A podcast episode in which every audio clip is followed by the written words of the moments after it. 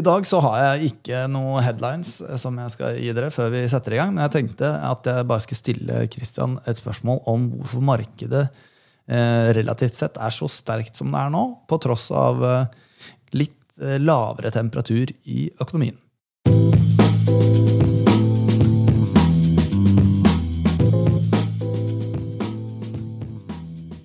Er du med meg, Christian?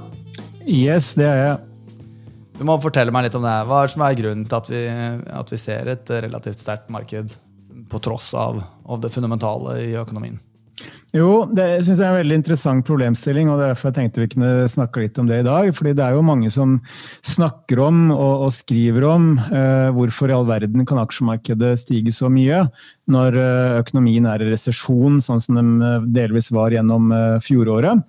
Og som man for så vidt også fortsatt ser f.eks. i eurosonen, hvor vi ligger an til resesjon både i, i fjerde kvartal i fjor, men kanskje også i første kvartal i, i år. Eh, og hvis man ser på det siste, ja, altså Siden bunnen i mars da, så har jo globale aksjer steget eh, over 80 eh, Og det har vært da gjennom en periode med resesjon. Eh, høy arbeidsledighet og eksistensielle utfordringer for ganske mange eh, bedrifter, kanskje spesielt småbedrifter osv. rundt omkring i, i verden. Uh, annen, et annet eksempel som vi ser, er jo dette med selskapenes inntjening. fordi nå har vi jo kvartalstall fra USA, vi har fra Europa. Og eksempelvis i USA så ligger det nå an til positiv inntjeningsvekst i, i SMP 500-indeksen fra fjerde kvartal 2019 til fjerde kvartal 2020 i en periode hvor amerikansk BNP falt 2,5% og Det er jo litt sånn spesielt. Men den mest åpenbare forklaringen det er jo at eh, investorer er fremoverskuende. De fokuserer mer på hva som kan eh, komme rundt neste sving, enn hva som er åpenbart på, på veien rett eh, foran oss. Eh, I tillegg så har jo den kursoppgangen som vi har sett nå de siste månedene, eh, i veldig stor grad vært drevet av det vi kan kalle pandemisikre aksjer. altså i teknologisektoren generelt, og disse stay at home-selskapene spesielt. Men det, er også flere andre årsaker til at utviklingen i økonomien og i aksjekursene på den, ene, på den, andre siden og, og, og, selskapsinntjeningen kan avvike. Eh, og faktisk, hvis man går langt tilbake i tid, så ser man at det er egentlig ingen sammenheng i det hele tatt mellom BNP-vekst og børsutvikling innenfor et gitt kalenderår. Og jeg gravde litt frem i noen, tall og falt, fant noen interessante data fra, fra Bloomberg som viser en korrelasjon på 0,11 mellom årlig endring i nominell BNP i USA og SMP 500 i perioden 1930 til og med 2019. Altså en korrelasjon på 0,11 det er tilnærmet en helt vilkårlig sammenheng eh, mellom utviklingen i økonomien og utviklingen i, i aksjemarkedet. Og Hvis vi da bruker amerikansk økonomi og amerikanske aksjer som utgangspunkt for en liten sånn deep dive i, i, flere forskjeller, så er det en grunn til at vi bruker USA som et eksempel. Kan jeg bare det stoppe deg to Amerikanske aksjer utgjør 58% av det globale markedet. Og USA er jo også fortsatt verdens største økonomi, med rundt 16% av global eh, BNP. Ja, ja. Får jeg bare stoppe deg litt, Kristian? For siden ja. du er en sånn her eh, finansgjøgler, så har dere jo med å bøye og vende litt på statistikk for at det skal passe retorikken deres. Så jeg bare lurer på, Det du sa nå, forandrer det seg hvis du endrer periodisiteten på den analysen? Altså Hvis ikke det gjelder ett år, men flere år, eller kanskje utvalgte år? Eh, ja, så Dette er det gjort ganske mange studier på. Eh, og Det som er den åpenbare forklaringen på hvorfor det ikke er en høy korrelasjon, positiv korrelasjon sådan, mellom BNP og aksjemarkedet i et gitt kalenderår, det er jo at investorene er fremoverskuende. altså De ser jo på hva som kommer til å skje, mer enn hva som har skjedd. Eh, og slik sett så vil jo de BNP-tallene, den økonomiske utviklingen man får gjennom et kalenderår, det vil jo allerede være gammelt nytt i det tallene publiseres, og investorene vil se fremover. Så det man har funnet studier på, det er jo at det er en høyere korrelasjon mellom eh, aksjekurser og fremtidig eh, økonomisk utvikling.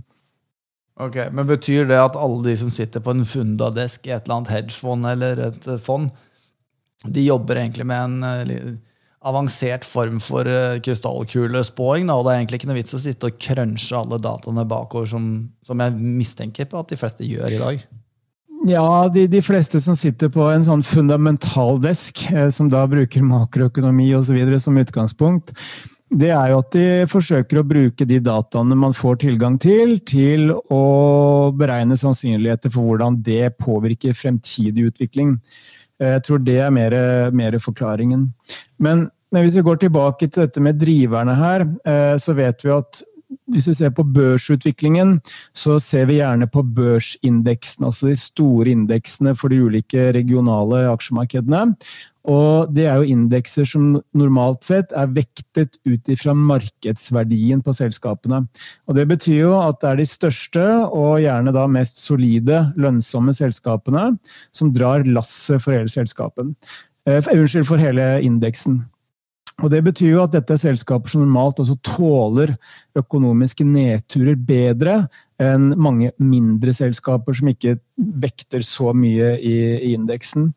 Eh, og Eksempelvis har jo teknologisektoren globalt steget nesten 40 de siste tolv måneder, mens eh, flyselskaper fortsatt er ned 32% og energisektoren ned 22 til tross for den store forskjellen, så er jo globale aksjer opp 21% i samme periode.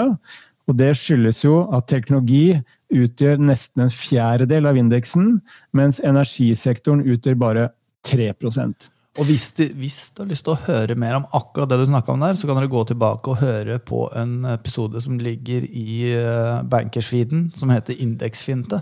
For der snakker vi ganske mye om dette med indekskomposisjon. Yes. Um, og bare for å ta et par andre eksempler på hvorfor eh, aksjemarkedet kan avvike fra den økonomiske utviklingen, så vet vi at amerikansk økonomi, og de fleste vestlige økonomier for så vidt, de er i veldig stor grad forbrukerorienterte, altså forbruksorienterte, drevet av privat forbruk. Og I USA, som er kroneksempelet på dette, så utgjør jo privat forbruk nesten 70% av BNP. I SMP 500 derimot så er eh, sektorsammensetningen i langt større grad dreid mot pengebruken i næringslivet. Altså ikke eh, private spending eller consumer spending, men business spending, som vi sier her lokalt på Hamar.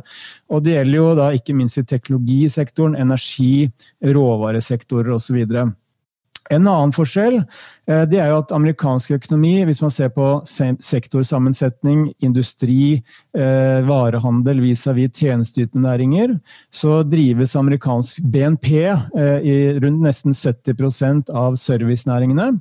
Og bare 19 knyttet til varehandel. Eh, SMP 500 derimot er rundt 50-50 eksponert mot varehandel og tjenesteytende næringer. Og det betyr jo da at eh, pandemien har påvirket servicenæringene relativt sett mye hardere i økonomien enn det de har påvirket aksjemarkedet. Eh, det vi også avslutningsvis kan peke på som store forskjeller, det er jo at eh, de teknologi- og digitalt baserte selskapene som er børsnotert, de utgjør nå nesten 40% av markedsverdien av SMP 500 og står for 35% av inntjeningen i indeksen. Eh, den realøkonomiske verdiskapningen som kommer fra slike digitale virksomheter, antas likevel å utgjøre mindre enn 10% av BNP. Og, og, Går man videre inn på sysselsetting, altså hvis man ser på de to største selskapene i 1962, som var ATNT og General Motors, så hadde de til sammen 1,2 millioner ansatte. Eh, mens nå så har de største selskapene blitt langt mindre arbeidskraftsintensive.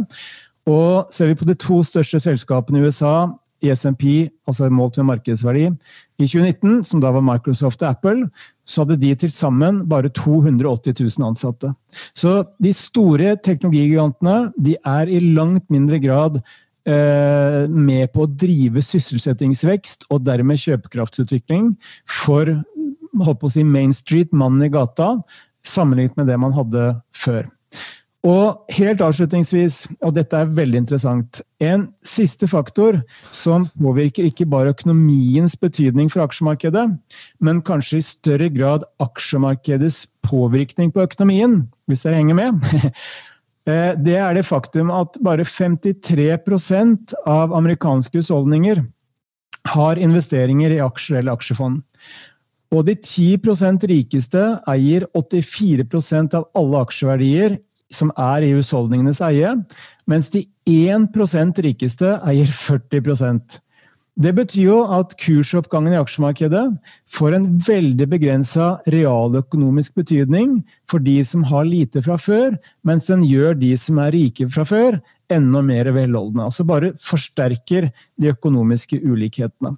Og bare for å sette ting enda mer på spissen.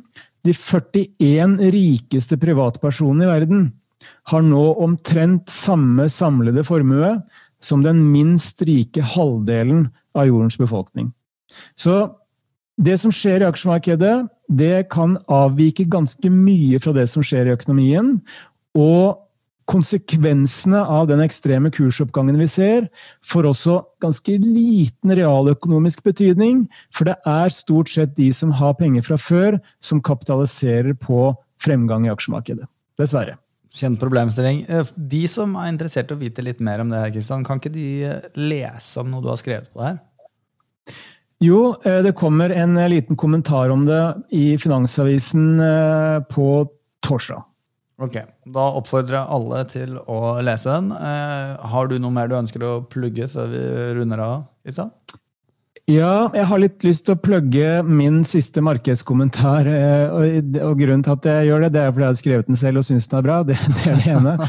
Men det andre er at uh, den kommentaren som jeg publiserte på danske bank uh, Makronytt på fredag, og som for så vidt også kan leses på finansavisen.no fra i går.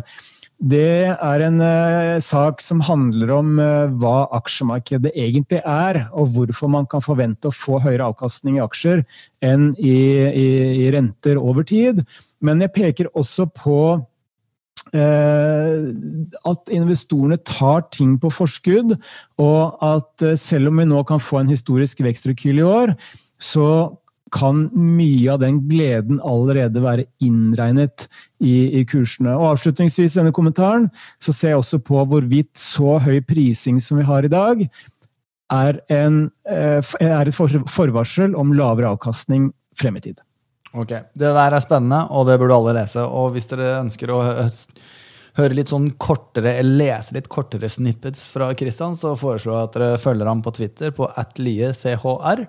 Eh, og hvis dere ønsker å stille spørsmål til Bankers-redaksjonen, så kan dere søke opp meg på Twitter på at askstensrud. Send det i innboks. Alle får svar, det lover jeg deg. Og så skal vi se om vi ikke kan ta tak i de tingene dere vil at vi skal se på. Da sier jeg bare takk til deg, Kristian, så høres vi igjen neste uke. Det gjør vi. Ha det. Ha det.